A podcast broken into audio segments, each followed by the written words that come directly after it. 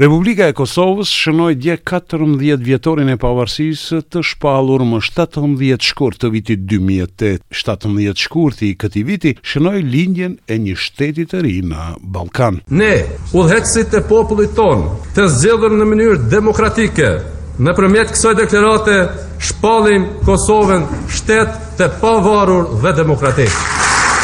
Këtë deklaratë të shpalljes së pavarësisë e kishte lexuar kryeministri i atëhershëm i Kosovës Hashim Thaçi në Kuvendin e Republikës së Kosovës. Në këtë kuvend morën pjesë njëqind e nëntë deputetë nga 120 gjithsej sa i ka Parlamenti i Kosovës. Njëmbëdhjetë deputetë përfaqësues të pakicës serbe kishin bojkotuar procedurën e shpalljes së pavarësisë, duke mos marrë pjesë në mbledhjen solemne të Kuvendit, kurse nëntë përfaqësues të pakicave tjera etnike ishin pjesë e kuorumit. Me rastin e katërmbëdhjetë vjetorit të shpalljes së pavarësisë së Kosovës, Kuvendi i Kosovës, mbajti seancë solemne presidentja Vjosa Osmani, duke kujtuar gjithë ata që sakrifikuan e punuan për pavarësinë e Kosovës, tha se u dasht shumë mund dhe sakrifica për ta bërë shtetin. Ajo tha se Kosova sot qëndron më fort se kurrë me aleatët e saj. Në këtë katërmbëdhjetë vjetor jemi krenarë, porse edhe jo të vetëkënaqur. Nuk do të mjaftohemi asnjëherë derisa shtetin tonë ta bëjmë të tillë çfarë e dëshiruan ata që ranë për të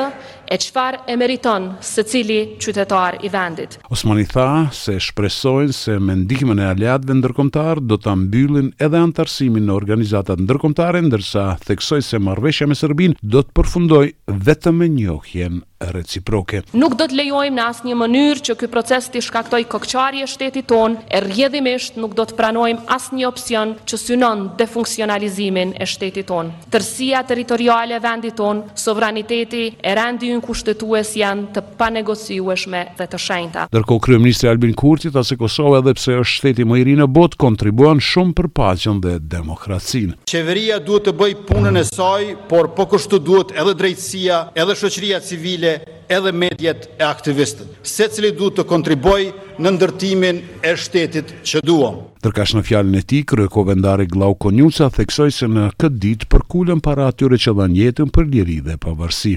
Asnjë gjykatë në botë nuk mund ta shtrembërojë, a ta ndryshojë këtë të vërtetë që është E vërteta e jetës tonë. Opozita ka lëshuar sallën derisa kryeministri Albin Kurti në seancën solemne po fliste për të arriturat e qeverisë. Në një konferencë për media, shefi i grupit parlamentar të PDK-së, Abelard Tahiri, tha se fjalimi i kryeministrit Kurti në Kuvendin e Kosovës ishte për keqardhje. Nuk ka ndodhur as edhe një herë të vetme, ditën ku kemi përvjetorin e shpalljes së pavarësisë së Republikës së Kosovës të prishet nga fjalimi i vetë kryeministrit të Republikës së Kosovës. Vendi ynë ka hyrë në një krizë të thellë ekonomike dhe kur ne e ftojmë kryeministrin e Republikës së Kosovës që të jetë prezent që të diskutojmë pikërisht për këto probleme, kryeministri nuk e gjen kohën. Edhe shefi i grupit parlamentar të AAK-së, Besnik Tahiri, ka thënë se vendimi i tyre është veprim politik për t'i dhënë porosi që të mos abuzohet me një ditë historike siç është shpallja e pavarësisë së Kosovës. Fliste për çështje që në asnjë rrethanë, në asnjë situatë nuk do duhej të ishte në një seancë festive. Andaj qytetarë ju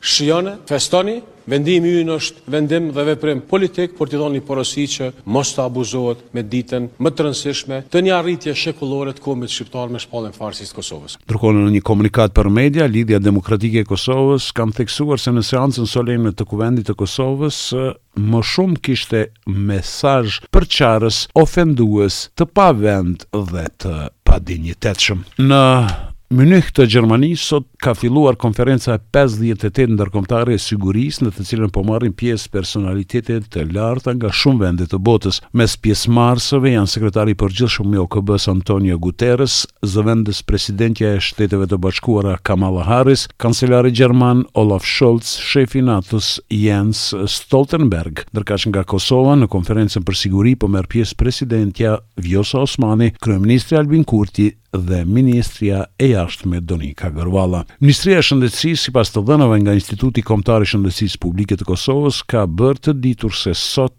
nga dy mijë e gjashtëqind e katërdhjetë e tetë testime, dyqind e tridhjetë e gjashtë qytetarë kanë rezultuar pozitiv me virusin Covid nëntëmbëdhjetë, ndërkaq gjatë njëzet e katër orëve të fundit janë shënuar katër raste të vdekjes, ndërkohë që Instituti Kombëtar u ka bërë thirrje qytetarëve që të respektojnë masat e vendosura kundër virusit Covid nëntëmbëdhjetë. Për Radion SBS Mendu Hysa, Prishtinë.